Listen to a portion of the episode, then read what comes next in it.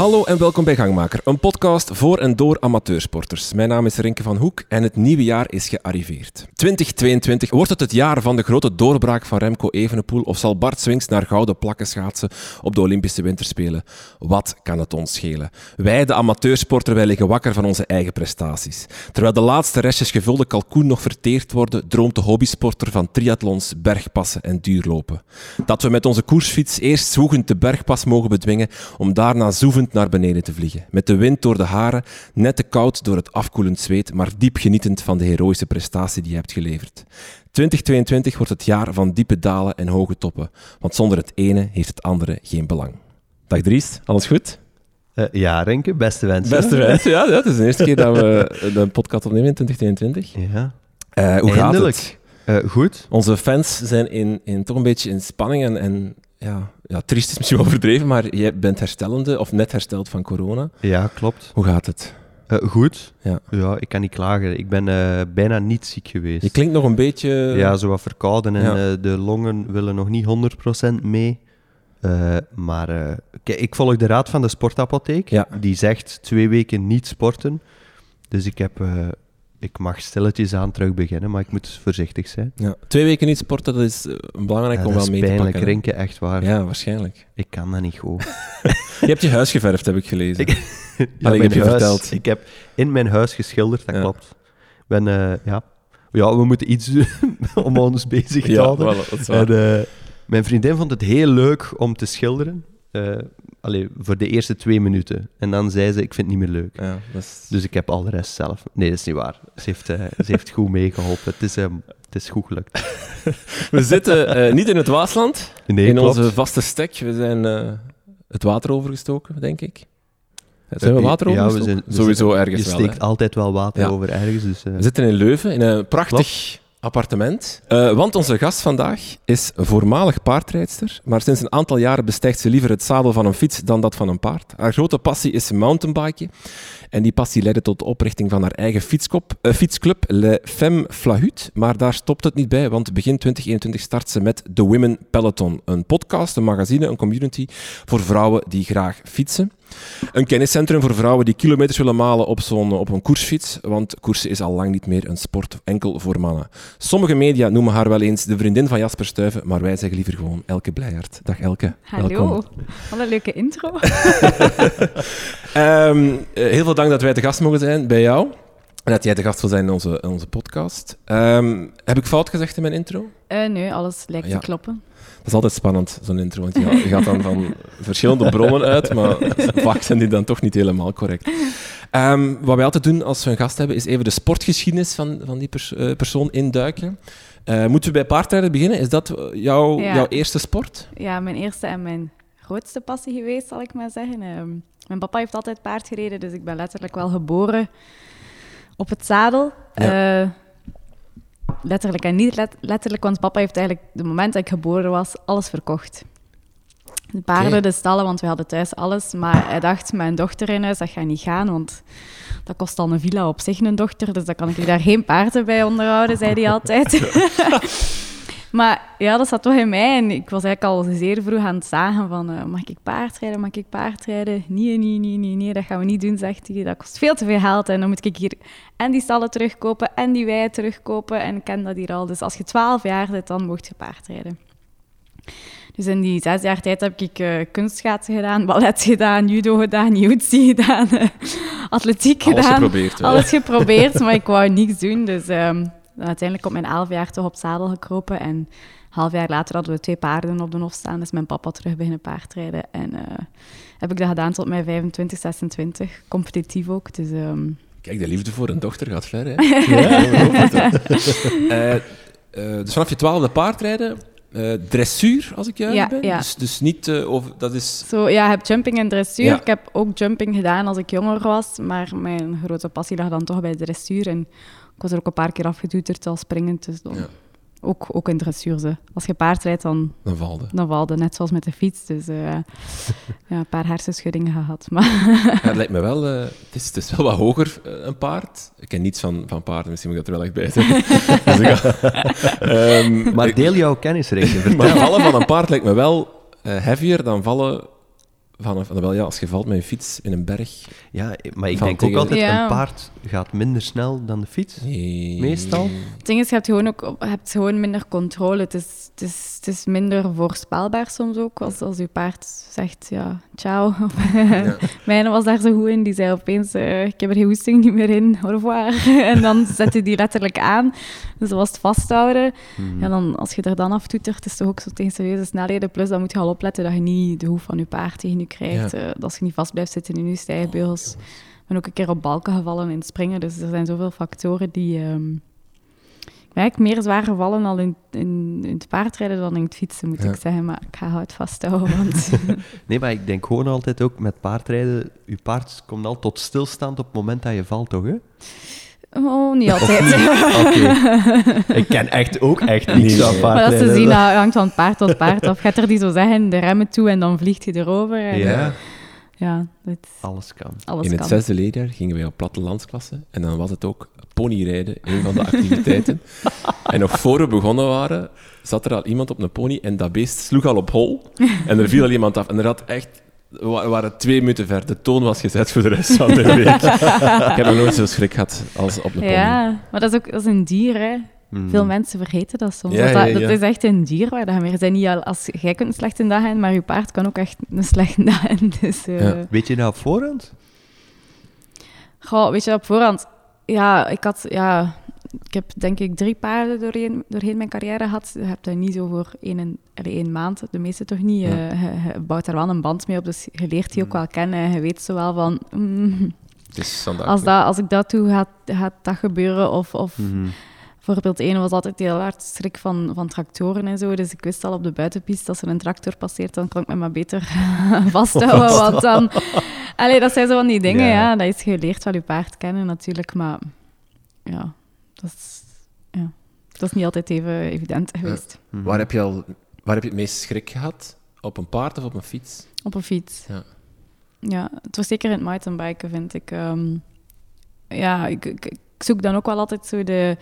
Ik ben heel snel verveeld, daarom fiets ik ook liever op de mountainbike dan op de weg. Ehm, en dan wil ik soms dingen doen op de mountainbike dat ik misschien nog niet altijd kan. en dan, nou ja, dat is, ik vind mountainbiken heel mentaal wel. Dat is zo heel... eh, En vooral, ik heb heel veel schrik van hoogte. Ik heb Ja. echt hoogtevrees. En ehm ja, het mountainbiken in de berg is dan natuurlijk hetgeen dat je niet mocht hebben.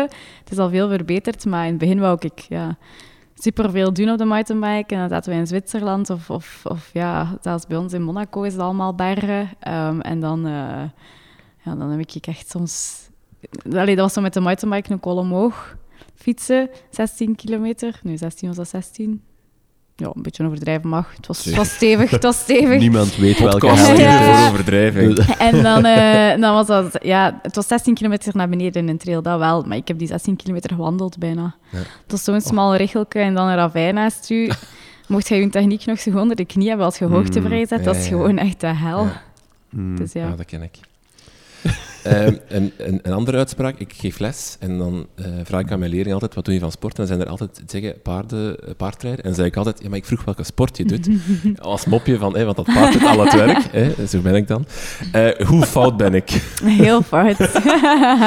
Ehm, hoe, hoe sport, of hoe, ehm, ja, hoe intensief is paardrijden?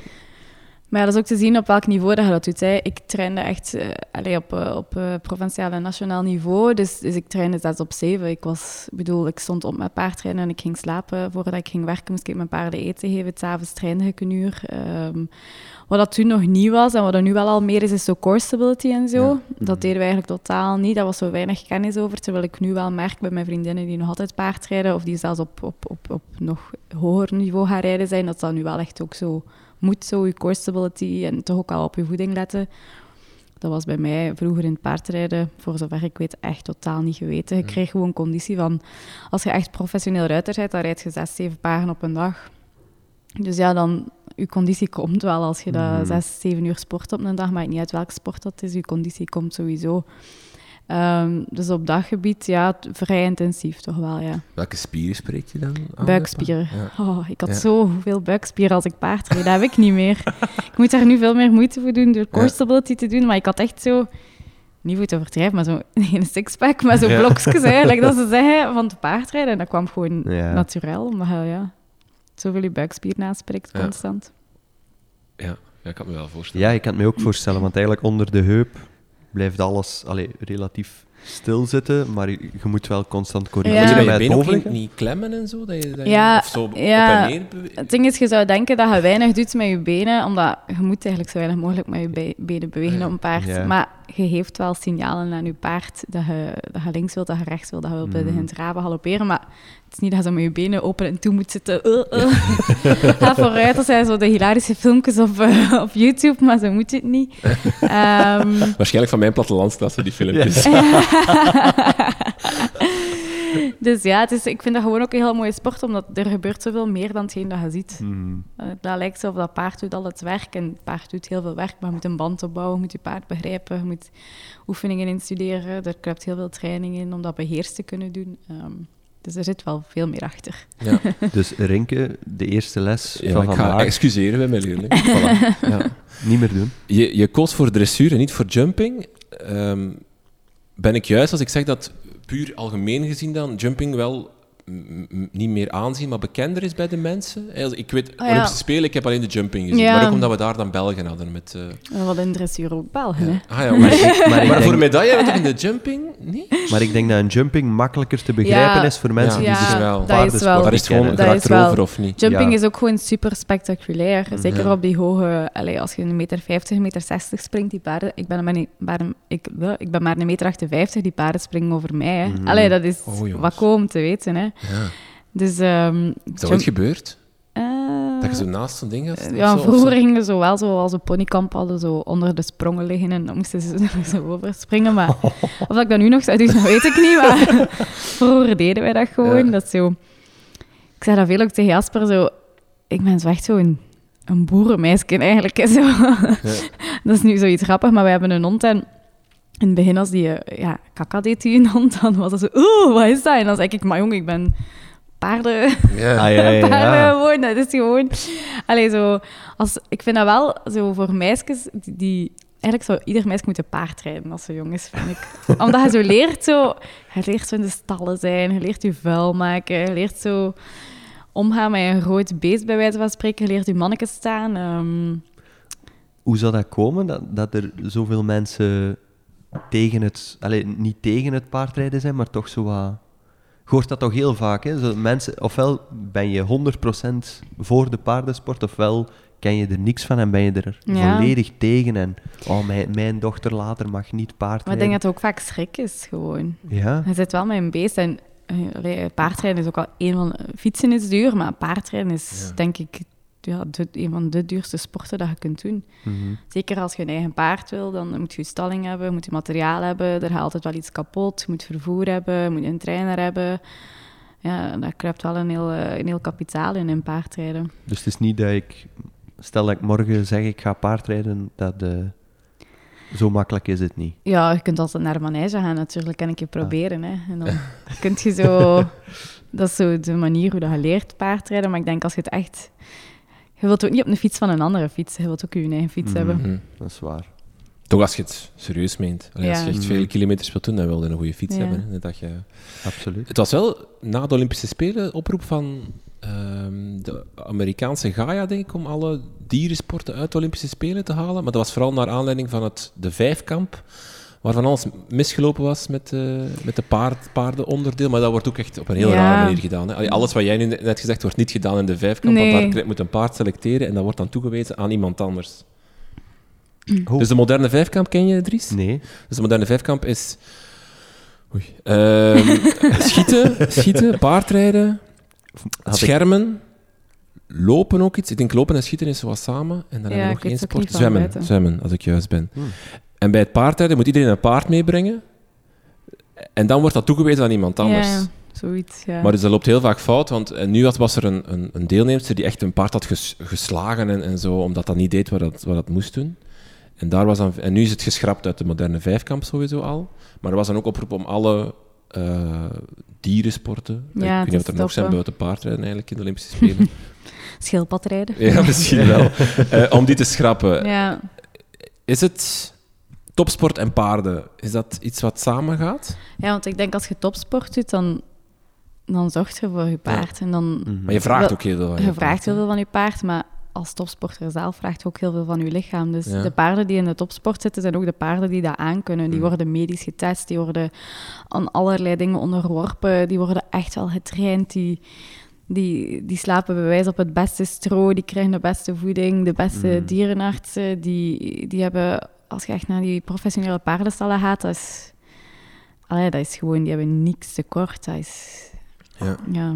Het is ook gigantisch fragiel, hè, zo'n paard. Ik bedoel, als, als, als een been breekt of zo, dan is het gedaan. Hè? Ja, Ah, toch ja. voor topsport, hè? Of, of- Ja, ja voor, voor alles. Allee, Ja.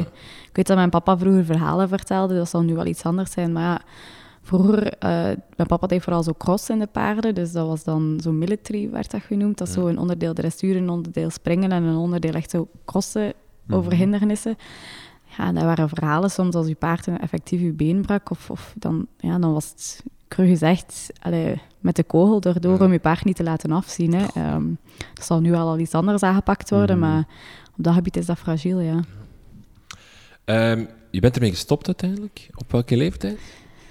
25, 26 zal dat geweest zijn, ja. En het was van moeten, heb ik gelezen. Ja, moeten en niet moeten. Ehm, ik zou dat kunnen blijven doen hebben, maar ik kon het niet meer doen op het niveau dat ik het deed, omdat ja, ik ben verhuisd van Maldegem, want ik kom van Maldegem naar Leuven. Dus in, bij mijn papa thuis hadden wij ons eigen stal, onze eigen piste aan de deur. Dus ik moest gewoon buiten wandelen. Ehm, ik kon trainen. Verhuisd naar Leuven voor de liefde, dus voor Jasper, een andere job. Eh, mijn paard stond 20 minuten van hier op een privéstal. Dus je hebt zo niet meer zo de, de vertrouwde omgeving rondom je. Mijn papa was er ook niet meer om mij te helpen. Niet dat hij daar altijd was, maar dat is wel, dat is wel fijn als je paard rijdt, Ja. dat, je was, allee, dat je een persoon bij hebt. Ik had een supergoeie treinster hier, dat was echt niet het probleem. Maar ja, zo de sleur kwam er een beetje in. Ehm, ik had dan ook, ik heb wel wat bekkenproblematieken van, van veel te vallen van te paardrijden. Ehm, dus dat kwam daar dan ook bij.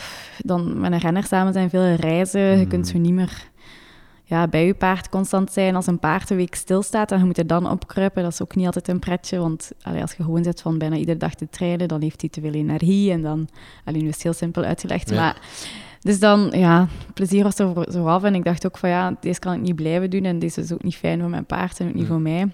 Ehm, en is mijn paard eerst nog een jaar gewoon op pensioen geweest. Eh, maar dan vond ik dat ook zo zielig, want die was echt nog niet pensioenrijp. Die Xavier de Zaffe, zeiden wij altijd, die, ehm, die wou wel echt nog werken en die wou wel echt nog wedstrijden doen. En dan hebben we die toch verkocht. Mhm. Eh, dus ja, dat is met heel veel pijn in het hart. En ik ben eigenlijk eh, de eigenares nu, is een jong meisje, en die vraagt nog altijd of ik zo wil komen. Maar ah, ik ben nog niet terug geweest, want ik denk dat ik mij nog altijd gewoon blijf of zo. als, ik, als ik de Zaffe zie. Dus Mis je het Nee. nog altijd, de paardensport? ja, ja, zeker. zeker. Zou je er ooit nog naar terugkeren? Of? En wel, heel toevallig nu, we hebben vrienden in Monaco die ook paarden hebben. Mhm. En ik heb eigenlijk de voorbije jaren alles afgeweren. Als vriendinnen mij vroegen, kom nog een keer rijden of, of kom nog een keer of dit, dat, heb ik altijd nee gezegd, omdat ik zoiets had van, ja, weet je, als het niet mijn eigen Hmm. paard is en niet mijn ding, dan doe ik het niet. Ehm, maar nu, mijn botten en mijn rijbroek staan klaar om mee te nemen op het vliegtuig. Dus eh, ik dacht, ja, wie weet. ehm, maar ik heb zo schrik wel, als ik het ga doen, dat ik zo terug te verkocht ga zijn. Ja. En ik wil iets goed doen, dus nu wil ik mountainbike goed doen. Nu is dat Ja. mijn grote passie. En Mhm.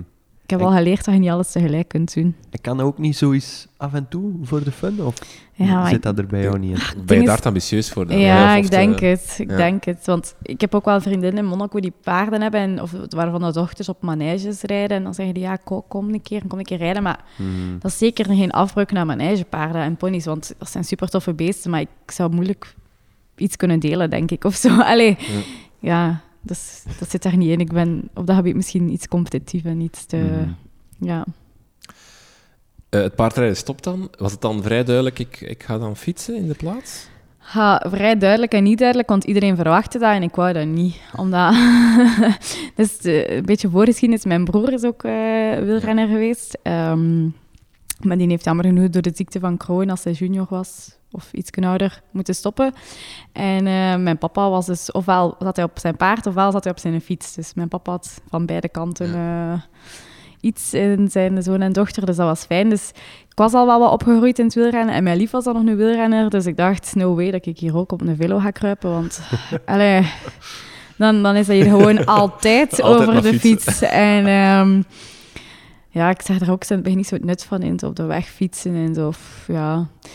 Maar dan uiteindelijk, omdat ik zoveel bekkenproblemen had, ook wel qua sport, was ik al wel wat gelimiteerd. En dan zei de kine ook van, ja, fietsen zou eigenlijk gewoon supergoed zijn voor u. Ja, en dan, ja, dan is van het een het gekomen. Dan waren mijn papa en ik naar de France gaan kijken. Papa zei, kom, want ik had al lang een koersfiets staan, maar ik reed daar niet mee. Pak die fiets maar mee, ik ga ook mijn fiets pakken. En dan kunnen we zo naar de aankomst gaan kijken. En toen besefte ik wel van, tja, je komt wel op schone plaatsen met je fiets. En ben ik teruggekomen van de Tour de France en sindsdien ben ik niet meer gestopt met fietsen. Dus dan... Ja. ehm, Maar wel snel mountainbiken ontdekt boven op de weg Ja. fietsen. Het ding was, ik, wou, van, ik zat op de fiets en ik zei al direct, ik wil mountainbiken.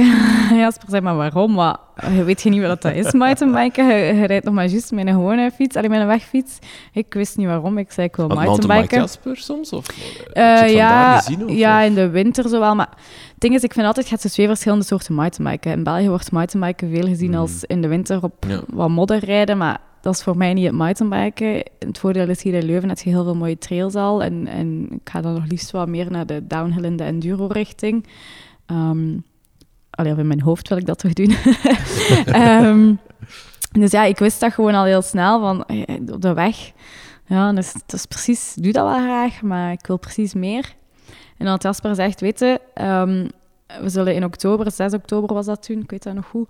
Als je dan eh 160 kilometer fietst, dus als je van hier, dus van Leuven naar je papa in Maldegem fietst, als je daarvoor nu traint en, en je doet dat, dan mocht je van mij mountainbiken. Dan zorg ik dat je een mountainbike krijgt. Dus ja, je moet dat niet zeggen tegen mij, want dan doe ik dat.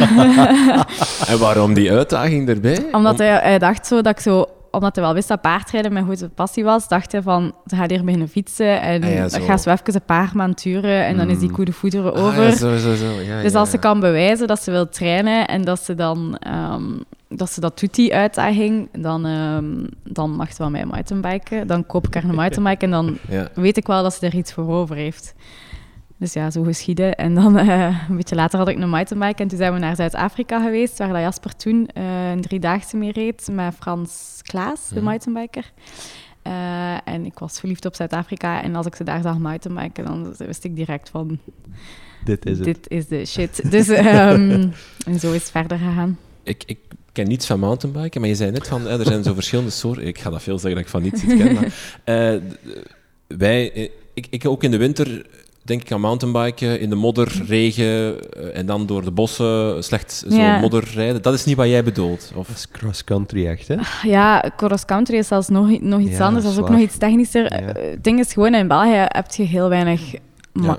Allee, er zijn er nu al heel veel meer mountainbike tracks. Je hebt Beringen, in Leuven heb je veel. Er zijn ongetwijfeld nog plaatsen in België waar je op, z'n- op zijn minst Ja. al technischer kunt gaan mountainbiken. En dat begint ook echt wel te komen. Maar veel... Ik bedoel, als je aan het strand oproeit, allee, van de kanten van de zee, of, aan het, of echt zo het platteland, dan waar dat vlak is, je weet niet wat dat mountainbiken is. Mensen die Mhm. daar fietsen, weten ook soms al veel minder hoe wat dat een heuvel of, allee, of, of zo wat klimmen is. Mhm. En, en dus daar, als je daar gaat mountainbiken, als mijn papa gaat mountainbiken, is dat allee, op de hardtail en dat is gewoon de veld, veldwegjes in en uit. Ja. Dat is mountainbiken. Maar dat is voor mij, ik wil zeker geen afbreuk doen, maar even saai, tussen aanhalingstekens, dan, dan op de weg fietsen. Ehm, Ik denk ook daarom dat de gravelbike populair Ja, aan het worden is, omdat, omdat er veel mensen altijd de mountainbike hebben gebruikt en dan daar eigenlijk een, leuk, allee, een leuke manier vinden om, eh, om het vlakke op te zoeken, maar Ja. met grindwegen en met modder. want met een mountainbike op vlakke wegen rijden, dat is echt lastig. Hè? Ja, je gaat. Geen, geen poot vooruit. Hè? Terwijl als je met een gravelbike doet op diezelfde Mhm. wegen, dan kun je veel meer kilometers doen en dan ziet je ook meer. Mhm. maar dus jouw ideale mountainbike parcours is geen meter vlak, is, is bergop, bergaf, technisch. Ja. ja. Ja, dat doe ik wel graag. Ja. Maar ik zou het veel meer willen doen, maar ja, dat is- Ja, want hoe pak je dat? Je hebt hoogtevrees? ja. Hoe pak je dat aan? Want ik kan me voorstellen, ik, ik heb eigenlijk geen hoogtevrees. En ik heb ooit al mountainbike parcours gedaan met stukken tussen waarbij ik echt tegen mezelf zeg, eh, nee, dit, dit doe ik niet. ja, ja. en afstappen en gewoon Ja, ja, even de voet dan- naar beneden of naar en dan, en dan opnieuw. Ja, ehm, hoe doe je dat? Ik ben er eerst heel vaak op gebotst. Ik, heb, ja, ik zeg het, ik vond dat voor mij een heel mentale sport. Ik heb daar ook vaak ruzie niet over gehad met Jasper, maar omdat ik dat zo graag wil, maar dat hij zei, maar je durft niet, je durft niet, dus wat, allee. Dat is wel een leuke discussie. Ja, mooi. Maar dan ik zo, ik, wil dat en ik kan dat en ik weet dat ik dat kan, maar ik moet gewoon durven. Ehm, want ik heb een supergoeie eh skills trainer gehad. En ik heb hem altijd hier in, eh, in Leuven, Raf de Bakker. En die, ehm, ja, ik wou gewoon beginnen mountainbiken en ik wist dat ik dat niet kon. Dus dan heb ik gewoon iemand gezocht, via Frans Klaas dan, die mij wat kon, kon de skills leren. En ja, dat is pittig, hè, want je doet iedere les deed ik dingen dat ik niet durfde. Hè. Maar ja, je beseft ook wel, als je wilt mountainbiken, moet je dat gewoon doen. En ik vind ook dat mountainbike, dat, dat draagt zoveel bij aan je gewone skills op de weg ook. Mhm. Ik kan wel echt zeggen dat ik een betere wegfietser ben geworden door, door de mountainbike. Ehm, Is een skills trainer daarin belangrijk? Voor iemand die, die het... Wacht, ik ga het anders zeggen. Hè, iemand die, die gewoon wil mountainbiken elke zondag, daarvoor zal dat misschien minder belangrijk zijn. Maar iemand die het mountainbiken iets serieuzer wil Ja. aanpakken, is dat, is dat belangrijk? Iemand die u daarin helpt? Ik raad dat zelfs aan aan, aan alle meisjes die aan mij vragen van ja, ah, ik wil beginnen mountainbiken. En dan zeg ik, weet je, zoekt iemand die zo een paar lessen gewoon skills training kan geven. Daarvoor moet je niet de drops en al gaan doen, maar gewoon al je bochten leren pakken, leren remmen, obstakels. Wat, wat moet je doen als, als er een boomstam ligt? Dat je niet altijd moet afstappen als er een boomstam ligt. Eh, gewoon vertrouwen krijgen op de mountainbike. Mhm. Allee, of op de fiets algemeen. Want dat gaat dan over hoe, hoe gebruik je remmen op de juiste manier? Ja. Hoe, hoe, kan je Als je je kort- wiel opheffen zodat je ja, over zo'n zo'n bunnyhop en Ja, zo, en zo, de basic dingen. Maar ja, dat, dat gaat constant verder en verder. Als ik nu zie wat ik doe, terwijl twee jaar geleden, dat... Allee, ik denk niet dat mijn skills trainer dacht twee jaar geleden dat ik ging doen wat ik nu doe. Want als ik daar de eerste keer kwam, dan dacht hij waarschijnlijk, en wat gaan we nu doen? Ehm, maar ja, ik ben dan zo koppig en als ik iets wil, dan doe ik dat wel. Dus dan... ehm, ja, je moet gewoon, eh, denk ik, je hoofd een beetje opzetten. En, Ja. Maar het is ook gewoon oké als je met je mountainbike de veldwegjes wil heen rijden. hè. Dan heb je gewoon niet dezelfde mountainbike nodig en moet je niet, niet die parcours gaan zoeken. Mhm. Eh, mountainbiken, als je de verhouding eh, kracht-conditie neemt versus skills, techniek, hoe zou je die maken? Wat is het belangrijkste? Of, of wat is... Wel, ik zal nu eerlijk zijn bij mij dat mijn, dat mijn techniek op 90% staat en mijn conditie op 10%. Ehm, ik, ik vind dat er ook altijd een uitvlucht, zo, want het hier zo niet zo ver van Otigny. Dat is zo'n klein bosje, eh, dat noemt ze Bois des Rijven. Ehm, daar zitten ook veel downhillers en zo enduro, stoere bikers. En ehm, ik zei altijd, oh, ik ga twee uur naar Otigny gaan fietsen, maar je doet eigenlijk totaal geen kilometers, want je doet alleen de technische stukken. Maar hij zit wel twee uur weg, dus in feite zou ik gewoon twee uur moeten gaan fietsen. Maar eh, op dit moment is dat iets minder bij mij het geval. Maar ik denk als je echt goed wil zijn op de mountainbike, dan moet dat alle 200% zijn. Hmm. Ehm, in 2019 doe je mee aan de... Ik weet niet of ik het in het Engels of in het Nederlands... Of in het Frans moet zeggen. De Grand Raid N- Nice-Ramon? Is het... de Grand, ja, de Grand Raid Maar dat is Ja, hier gewoon is- in België. Ja, in Luxemburg. Dat in, eh, ja. Dat was in La Roche toen, denk Ah, ik niet. Ja, ik weet het nu ook niet meer van buiten. Een wedstrijd die lopen, kajakken en fietsen combineert. ja. Als- 54ste geëindigd. ja, Als zevende bij de vrouwen. En zevende bij de alles. vrouw. Ja, ja, impressionant. Eh, Nee. vier- je moet wel zeggen van hoeveel, hè, anders kan zo'n 54ste van de Ah ja, 54 zijn. zevende bij de vrouw. Ah Ja, ik weet niet van hoeveel. niet, Dat weten we niet. Dat is Dat mag jij weet ons vertellen. Het was wel... Eh, ik denk dat, denk dat we bij de duo's, want dat is een duo is, dat, je dan, Ja. dat wij het middelste 54 van de 120 of zo waren. En je moet weten dat we als 120ste uit het water waren gekomen met de kajak. Heel gênant. Doe je veel wedstrijden? Eh, nee, ik zou er veel meer willen doen. Ja. Maar dat is een beetje de afweging. En dan merk ik goed genoeg het grote verschil. Jasper doet dat als job. Mhm. En soms wil ik dat ook als job doen, maar dat is geen job. Ik word er niet voor betaald. Dus, Ja. allee, ik moet gewoon realistisch zijn en mijn job is iets anders. Dus dan... Ja, ja. De, de, Ja, het zal de, de waarschijnlijk... lat ligt hoog als je wil meedoen aan wedstrijden op Ja. het niveau dat je moet halen. En als je daar niet voor betaalt, als je niet daar, daar 24 op 24 mee kan bezig zijn, is het bijna onmogelijk om daar eigenlijk... En ik vind het niet zo leuk om aan iets deel te nemen als ik dan niet Ja. weet dat ik de beste niet kan zijn. Maar ik, allee, Ja, ja, ja. ik wil gewoon wel getraind ja. zijn als ik aan iets Mhm. meedoe. Ehm, wat was het moeilijkste? Het lopen, het kajakken of het fietsen? Oh, dat kajakken. hoeveel, hoeveel moest je doen? Hoeveel kilometer? Ah, twee kilometer. Zie je nog vloeken met de ogen eigenlijk. Maar jong, Dus- dat was echt... Maar dat is een heel grappig verhaal, omdat... Dus ehm, dat was met Lieselot, eh, een vriendin hier uit Leuven. En ehm, we hadden elkaar leren kennen, want ik werkte toen op UZ hier in Leuven, op de pediatrie.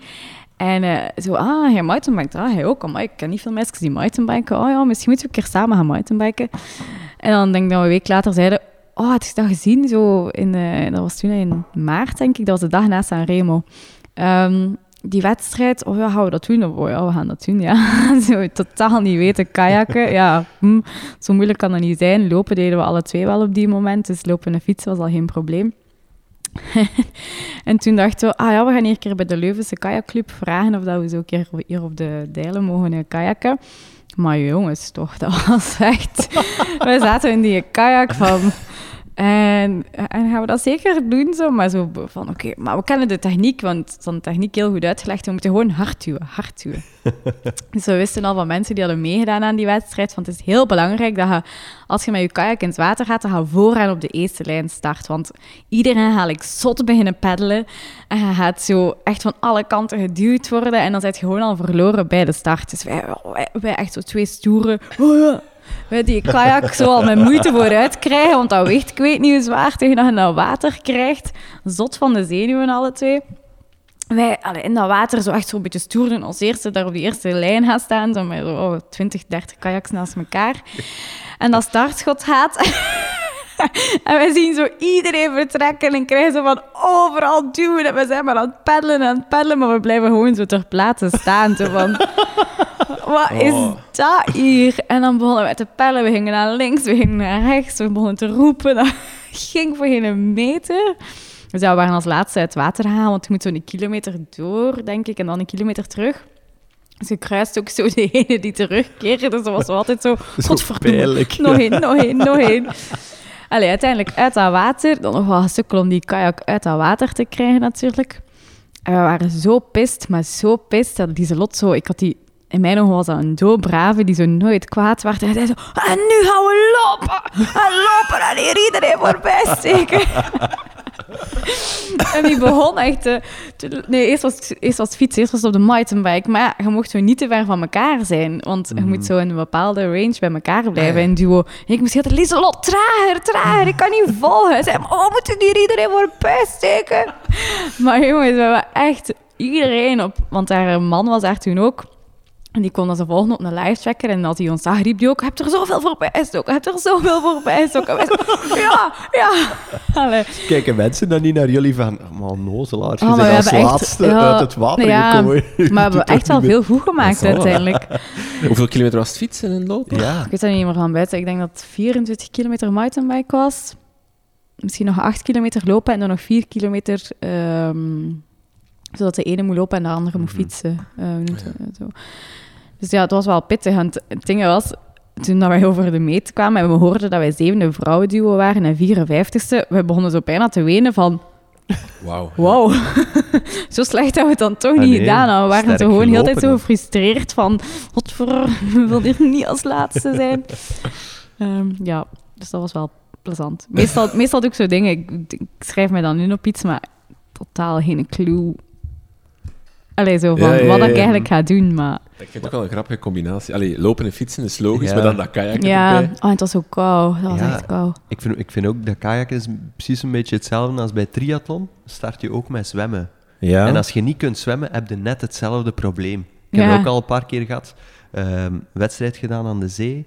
En dan starten, maar dat zijn, de helft van die mensen komen echt van... Allee, die wonen aan de kust, dus die kunnen supergoed zwemmen. En je start inderdaad ook met het idee van, eh, we gaan hier een kilometer alles geven.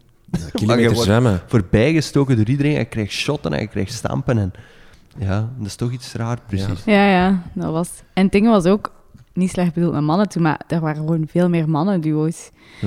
Dus die zijn ook gewoon sterker en op een of andere manier nog competitiever. En uh, je wordt gewoon langs alle kanten. We hebben echt ook ruzie gemaakt op trails, zo omdat wij technisch al wel iets beter waren dan sommigen.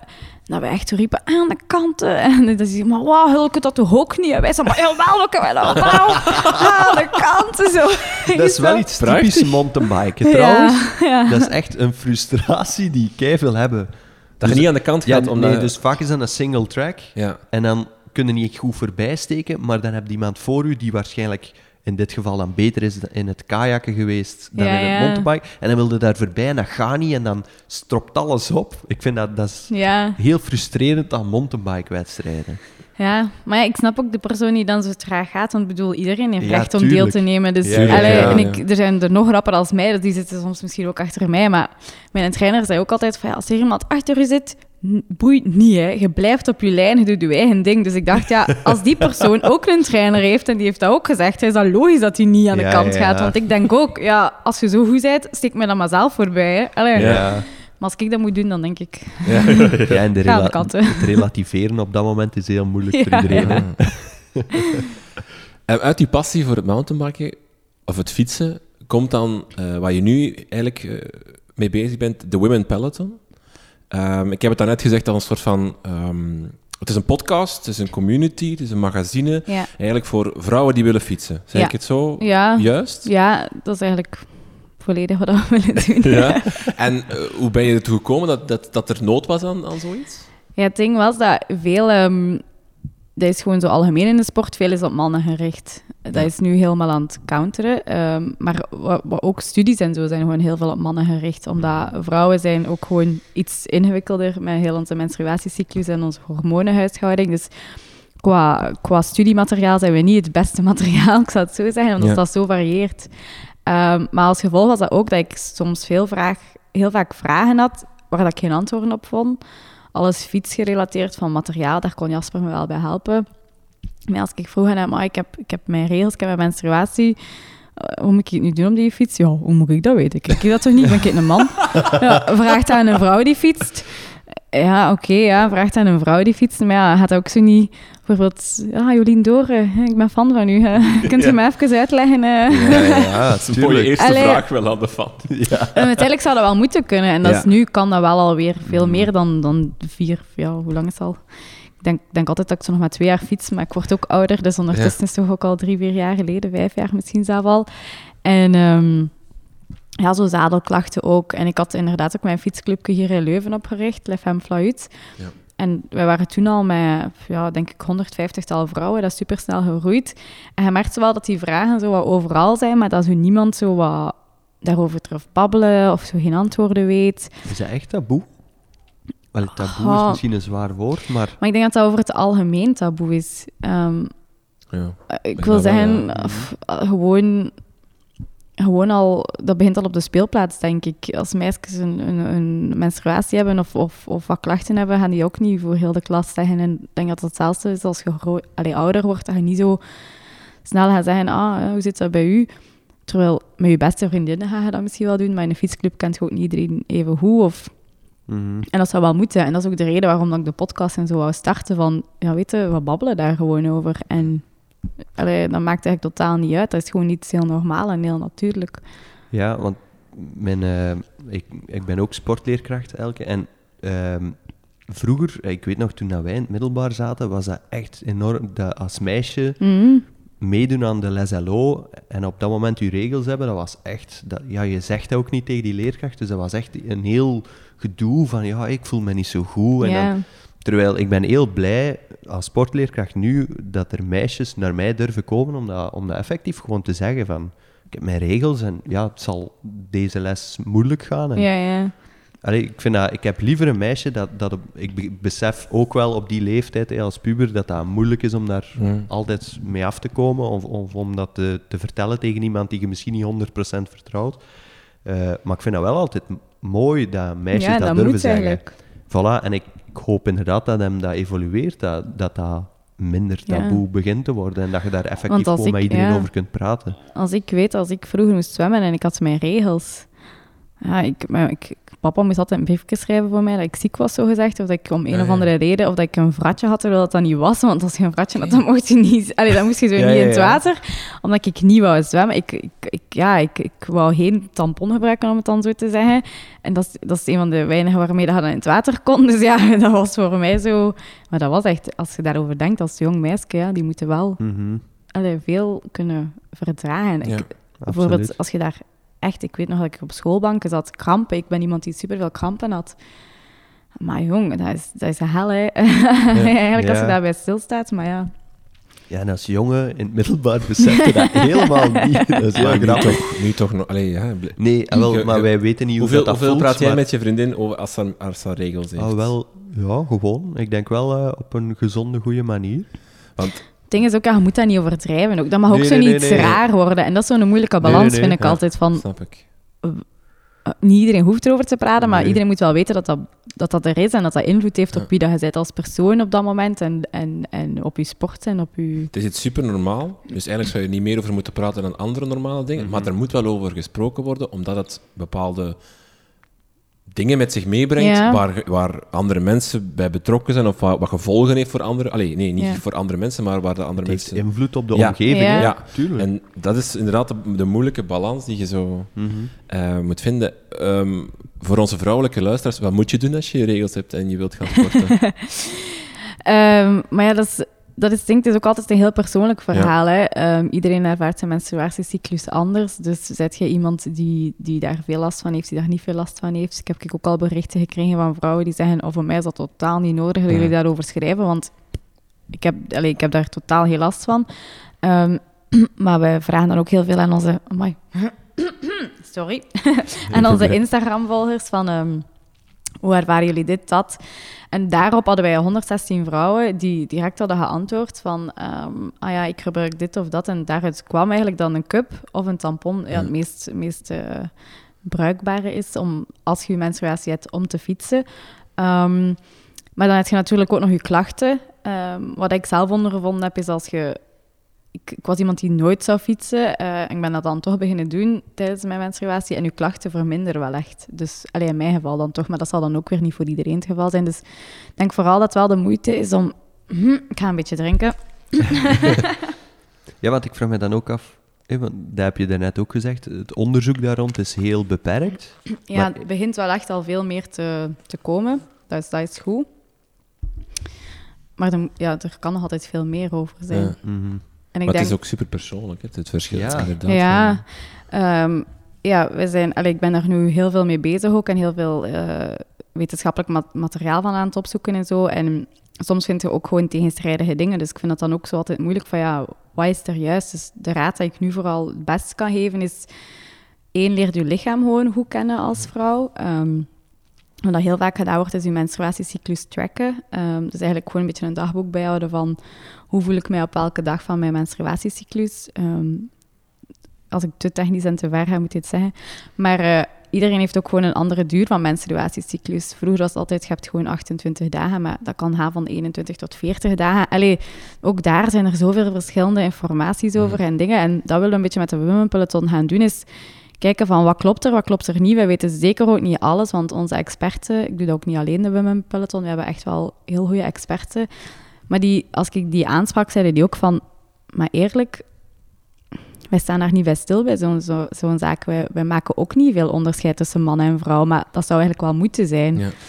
Dus dat willen we gewoon doen. Echt de juiste informatie gaan zoeken, ehm, die bundelen, zodat vrouwen gewoon eigenlijk bewuster kunnen worden van hun lichaam. Maar ook, het gaat zeker niet alleen over de menstruatiecyclus, want ook heel veel vrouwen die, en ik ben er ook schuldig van, dat is maar doordat ik er nu veel mee bezig ben, dat je materiaal beter leert kennen, dat je weet wat je moet doen, eh, dat je ook gewoon weet waarom dat je zadelpijn hebt, dat dat niet normaal is, dat je beter een bikefit laat doen. Wat als je zwanger bent geweest, hoe moet je weer beginnen sporten? Als je in je menopauze zit? Er zijn zoveel factoren in een vrouwenleven dat meespelen, maar ook gewoon algemeen. Ik bedoel, mannen willen ook weten waarom dat ze zadelpijn hebben, of mannen willen ook hun fiets beter leren kennen. Mhm. Maar wij willen ons gewoon richten op vrouwen, zodat zij een platform hebben, dat ze weten van, oké, als ik daar naartoe ga, zal ik hopelijk wel een antwoord vinden op de vragen die ik heb. Mhm. Mhm. Ehm, er is dus die podcast, hè, daar, daar ga je in gesprek met vrouwen over fietsen. Eh, Ja. Al een heleboel eh, leuke gasten gepasseerd. Dat er 11 of 12 afleveringen al zijn. Nu ik- ondertussen zitten we aan 19, Oei, denk heb ik. ik echt helemaal misgekeken. Mis. Ai, Little Telcroix is de laatste Ja, aflevering. dat was aflevering 18. Oké, Erika van Tielen is ook al geweest. Eh, Charlotte van de Sportapotheek Ja. is ook geweest, ook bij ons gast. En Phil Lambertijn is Ook, al, ook ja. al geweest. Dus we hebben twee gasten gemeenschappelijk. Ehm, daarin, al- als, als eh, vrouwen die nu luisteren naar de podcast, of gewoon vrouwen die willen fietsen, daarin krijgen ze eigenlijk in 30, 40 minuutjes telkens een heleboel tips, een heleboel Ja. indruk, inspiratie over om, om te beginnen met fietsen of om problemen op de fiets aan te Ja, pakken. ik wil gewoon eh, ja, alles wat op de fiets is bespreekbaar maken. En het zijn niet alleen vrouwen die in de podcast komen, maar bijvoorbeeld Joris Vrijt, ook medeoprichter van de Women Peloton, die is bikefit-expert. Er zijn maar weinig mensen met zo'n expertise en die weten ook echt wel al hoe het verschil tussen voor mannenproblemen en vrouwenproblemen op de fiets. Het is wel zo'n verhaal van, je hebt heel vaak van voor vrouwen, door, allez, door vrouwen, voor vrouwen. Ik ben daar niet zo van overtuigd, want mannen Mm. hebben ook veel expertise. En ik zou niet kunnen doen wat ik nu doe zonder Joris en zonder Jasper en zonder mijn team van experten, waar ook Michel Hering bij zit. Dus allee, ik vind gewoon dat je alle krachten moet bundelen om de juiste expertise naar voren te brengen. Maar het is wel voor vrouwen. is wel niet voor vrouwen, is, ja. Het is door iedereen Ja. voor vrouwen. Maar we krijgen zo vaak de vraag van... ehm, "Ah, ik ben man, mag ik mij dan ook inschrijven? Ja, tuurlijk. Onze, Ja, onze, die onze, vraag wou ik ja. eigenlijk ook stellen. Ik, heb, ik had Onze- al een aantal Ja. workshops gezien die mij interesseren. dat is echt waar. Maar onze content is women-based, gewoon omdat... Allee, ik wil gewoon vanuit mijn expertise en mijn, mijn ervaring kunnen spreken. Maar, maar ik bedoel, coaches die vrouwen begeleiden, papa's van jonge sport, allee, of van vrouwen, partners, die, bedoel, die kunnen daar ook heel veel... Trainers van... Ja. van- Ik moest, eh, ik moest zo het project een keer pitchen op een, eh, bij Belfius, eh, op een Belfius ride. Want mijn papa werkt bij Belfius. En, en papa zei, maar kom mee fietsen. En weet je, leg de Women Peloton dan uit. Daar gaan zo 100, 100 man zijn, maar allee, personen. Maar dat was letterlijk 100 mannen. Ik bedoel, daar waren twee vrouwen of zo. En je moet dan een keer een project gaan uitleggen, zo van... Ja. Ja, en dat gaat eigenlijk over de menstruatiecyclus. Dus zo heel mijn speech moest ik zo hup overboord. En ik begon en ik zei... Het is voor vrouwen, maar je mocht ook luisteren, want ik denk dat je vrouw veel beter gaat begrijpen. Ene keer als je bij ons lid bent. en die waren zo allemaal zo... Nu moeten we Ja, opletten. nu moeten we opletten. Maar had ik daar zo begonnen van dit en dat, ik bedoel, dat is geen, geen man die had geluisterd naar mij. Allee, Mhm. dus het is zeker ook voor, voor, voor, allee, voor mannen. Ja, de reden dat ik het zeg, Elke, is omdat er een, eh, een workshop stond rond time management. Dat is iets voor u. Drinken, dat is echt iets voor mij. Ja. We Ik ben heel tijd, slecht in het... eh, ah, ja, maar ja, dat, ja. Maar ik ben heel slecht in het managen van inderdaad zo mijn sporttijd gecombineerd met de rest van mijn leven. Ja, een aanrader. Voilà, Onze, onze sportpsycholoog Tien is daar super goed in. Ben jij daar eh, goed in? Nee. Nee. Want het is, het is, het is geen gemakkelijke. eh, jullie wonen in Monaco, maar jullie reizen veel. Ehm, eh, Jasper, zijn, zijn job brengt je over heel de wereld, Ja. zal ik maar zeggen. Ehm, jij gaat vaak mee? Of, of... Nee. ehm, nee, minder. Minder en minder eigenlijk. Omdat ik ook gewoon meer en meer mijn eigen ding heb gevonden. Ehm, plus op de koers. Ik wil daar eigenlijk altijd bij zijn, maar dat is eigenlijk gewoon om je lief te zien. Ja. Allee, dat is zo... Zeker bijvoorbeeld in de Tour of zo. Vroeger volgde ik dat altijd een week. Deze jaar ben ik zelfs niet gegaan, denk ik. En dat is zo vijf minuten zo... Hey liefje, zoentje, nee, nee, nee. Hey, alles goed. En dan na de aankomst rusje. Ah, hey, nee, nee, nee. En eigenlijk, de koers zelf boeit mij niet, tenzij de aankomst, als ik weet dat het een rit voor hem is. Maar, en dat is wel mooi, de Tour de France, en als we dat daar ziet, en dat is een leuke sfeer. Maar ik begin dat wel meer en meer te beseffen, dat die jongen gaat ook goed koersen, als ik dat nu ben of niet. Allee, Ja. En dat brengt waarschijnlijk voor uzelf ook gewoon veel stress. ja, ja. Want je zit daar dan aanwezig en je wilt dat alles goed Ja. loopt. En dan... Want zo'n misopvatting is dat iedereen is altijd zo, ja, maar als, als rennersvrouw, tussen aanhalingstekens, je hebt toch altijd pasjes en altijd dit en je raakt toch overal, maar ja, no way, hè. Allee. Dat is ook niet echt, dat is ook geen voetbalstadium, hè? Zo'n wielerkoers. Waar dat je loges hebt waar je kunt gaan zitten. En, Nee, zo'n- nee. Ik kan me voorstellen, zo'n bus, dat dat ook Ja. fantastisch Maar ja, en dat staat dan niet waar dat dan moet staan, Ja, of je vindt dat niet en de politie houdt je tegen en dan wil je uitleggen en dan... Ah, dat was Ik ben de verhalen... vrouw van... Ja, Oh. daar kan ik echt zo boeken over schrijven, welke stoten dat we allemaal uit, allee, al hebben uitgestoken. Maar ja, time management geweest is heel moeilijk. Allee, en Mm. ik zeg vaak practice what you preach, dus, dus ik probeer dat ook wel echt iedere week opnieuw eh, mijn sport in te plannen. En Mm. Vorige week had ik nog een preek gekregen van Jasper, eh, maar op een goede manier, van ja, ik ga de Swiss Epic rijden deze jaar. Dus ja, dat is vijf dagen vol een bak in Zwitserland mountainbiken met een duopartner. Dat is op redelijk niveau. Dat is, dus je moet daar wel voor getraind zijn. En ik weet dat ook. En ik vind dat ook heel frustrerend dat ik nu niet sta op het punt waar dat ik zou willen staan. Want het liefst van al was ik nu al heel goed aan het trainen, maar dat is gewoon niet. Maar ik moet ook beseffen dat ik de Women Peloton aan het oprichten ben. Dat is volop in zijn opstartfase. Mhm. Daarnaast ook nog wat freelance projecten. Ik heb een renner in huis, we reizen vaak. Dus, allee, Ja. Mhm. Dat, dat is ook wat ik vaak zeg zo bij, bij een atleet gewoon algemeen, of als je sport als, als recreatief sporter, je moet ook, ook gewoon rekening houden met al hetgeen daar rondom je speelt. Het is niet alleen de Ja. menstruatiecyclus, maar dat is ook een gezinssituatie. Hetgeen dag voor die ruzie had met je partner, gaat je training misschien dag nadien ook niet zo goed gaan. Mhm. Allee, dat zijn zo zoveel dingen dat ik zo nu meer en meer besef dat invloed hebben als je wilt sporten, al is dat recreatief of professioneel. Ja. Mhm. Je kan geen doel hoger stellen dan, dan de tijd of de energie die je erin kan steken in de week voor je Nee. training. Ja, en dat is ook gewoon... En dat is ook niet erg. Nee. ergens, hè. Dat is zo... Nee, En dat is wat ik zei, maar ik doe het niet als job. Moest ik het als job moeten doen en Ja. ik word ervoor betaald, dan zou ik nog gefrustreerder zijn, want je doet niet waarvoor je betaald wordt. Maar ik Mhm. moet gewoon beseffen dat dat een passie is en dat ik dat tof vind. En het liefst van al zou ik dat iedere dag allee, consequent kunnen doen, maar Ja. dat gaat gewoon niet op dit moment. En, en ik probeer het wel, en ik probeer het dan op andere manieren in te lossen, want ik wil ook niet aan die Swiss Epic starten. En, en wat ik zeg, ik wil daar niet staan zonder dat ik weet dat ik het ga kunnen, want er is ook niet, niks plezant aan dan. Maar ja, time management gewijs is niet altijd even evident, maar dat is in ieder huishouden zo. Ik bedoel, wij hebben geen kindjes, dus, dus we hebben wel een hond, maar... Allee, dus bij anderen is dan weer iets anders dat speelt. Ehm, Mhm. Maar daarom vond ik dat wel een belangrijke om in onze workshops te steken, dat mensen zich ook gewoon wel bewust worden van wat kan ik met mijn tijd doen en hoe kan ik dat misschien toch prioritiseren. Mhm. Eh, want dat maakt u als persoon gelukkiger, dus waarom zou je het dan niet willen inplannen? Absoluut. Je zegt het is niet je job. Jij ziet het profleven van heel dichtbij. Zou je het willen zijn? Zou je het wi- willen dat het je job is? Hey, stel niet dat dat zou kunnen. Ja, ook af. gewijs of zo. Je, maakt, je dat zorgt dat je een sponsor hebt en dat je een vloggrond maakt of zo. En dat je dan als een prof kan leven. Zou je het willen doen? Ik zou het heel graag proberen. Ja. Eén denk ik al dat ik te oud ben, is dat dat niet zou lukken. En mountainbike wereld is dan ook weer iets helemaal anders. Mhm. dan, dan op de weg. Ehm, maar of dat plezant is, dat weet ik niet. Hm. Daarom zou ik het willen proberen. Maar als ik zie wat de opofferingen zijn en wat je er allemaal voor moet doen... Het fijne is dat je passie is, dus dat je kunt zeggen, vandaag wil ik niet, ah, ik doe het niet. Terwijl als dat je job Mm. is, dan kun je niet zeggen, vandaag Ja. train ik niet, want dat heeft een invloed op, op de rest van je week en op je, op je prestaties. De amateurfietser doet denkt dat soms ook wel eens. Hè, van, oh, wat zo fantastisch zou zijn, moest ik dit als job kunnen doen. Hè. Maar zijn we soms blind voor de, de, de opofferingen of de moeilijke kanten van het, van het profbestaan, van het profielrennerbestaan? Goh. De buitenwereld dan? Of, of? Ik vind altijd zo'n moeilijke balans, want sommigen laten dat dan zo zwaar lijken. Ik bedoel, als je dat kunt doen als job en dat is je grote droom, ja, dan doe je dat graag. Hè. Mhm. Ik bedoel, ik vind ook veel wielrenners worden zo vaak als helden gezien. En dat wordt zo over, allee, overthinking bij gedaan.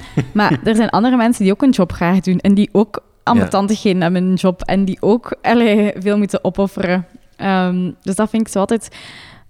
Maar ja, amateursporters, ja, die denken dat soms wel van... Ja, als goed leven ze, weer op een vliegtuig. Ah, Ja, ja, ja. de eh, mentale druk is toch aan dit, eh, aan dat. En de dagen van huis, de mentale Ja. druk. Media is vooral, denk ik, de grootste druk dat zo vaak onderschat wordt. Je bent zo rap van zero tot hero en omgekeerd van hero weer snel tot zero. Allee, en dan wordt zoveel gespeculeerd, zoveel... Oh, ja... Sarah en is een van mijn beste vriendinnen van Wout van Aert. En, en vaak, Ja. vaak krijgen we de vraag van, "Maar zou je niet graag de carrière van Wout hebben? En tuurlijk zou Jasper, denk ik, als coureur de, de carrière van Wout willen hebben en de prestaties. Maar ik zou... Ik heb alle respect voor hun leven, want ik zou niet kunnen omgaan met de media-aandacht en, de, en, en de druk die zij hebben. Hm. Allee, dat is zo altijd van, ja, Ja. een afweging. Ehm, terug misschien even naar eh, de Women Peloton. Ehm, is sporten complexer voor vrouwen dan voor mannen? Misschien op dit moment wel, maar dat hoeft niet zo te zijn als Ja. de juiste kennis en de juiste, eh, ja, de juiste media ervoor is, zal ik zeggen, of de juiste ondersteuning.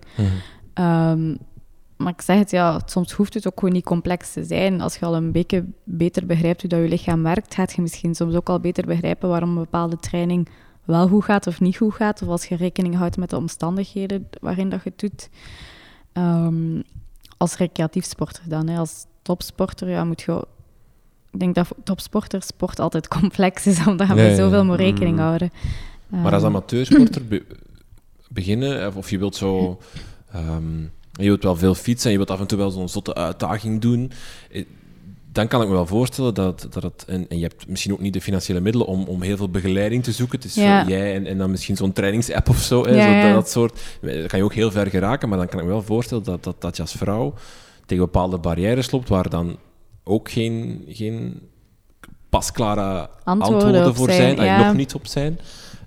Hè, rond menstruatie heb ik al gezegd, maar bijvoorbeeld, ik weet niet, fietskledij, is dat iets wat bijvoorbeeld zeer verschilt voor vrouwen en Ja. mannen? Of waar te weinig nog verschil? Ja, het ideale fietspakje bestaat nog altijd niet, denk ik, voor vrouwen. Ja. Dat is iets dat ik heel graag wil ontwikkelen. Maar ehm, Wat moet dat hebben? Ja, hoe komt dat?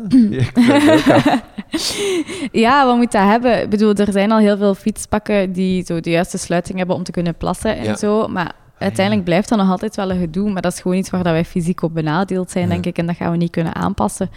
Maar ehm, ik denk gewoon dat er soms nog meer moet nagedacht worden over bepaalde ondersteuning. Ehm, zeker in een bepaalde levensfase dat je zit. Ik denk dat mijn koersbroek nu niet gepast zou mogen zijn voor een vrouw die net terug fietst naar haar zwangerschap. Want die heeft misschien allee, bepaalde knippen gehad en allee, bepaalde verschuivingen gehad, waardoor hij meer ondersteuning zou misschien moeten hebben in het begin als hij fietst.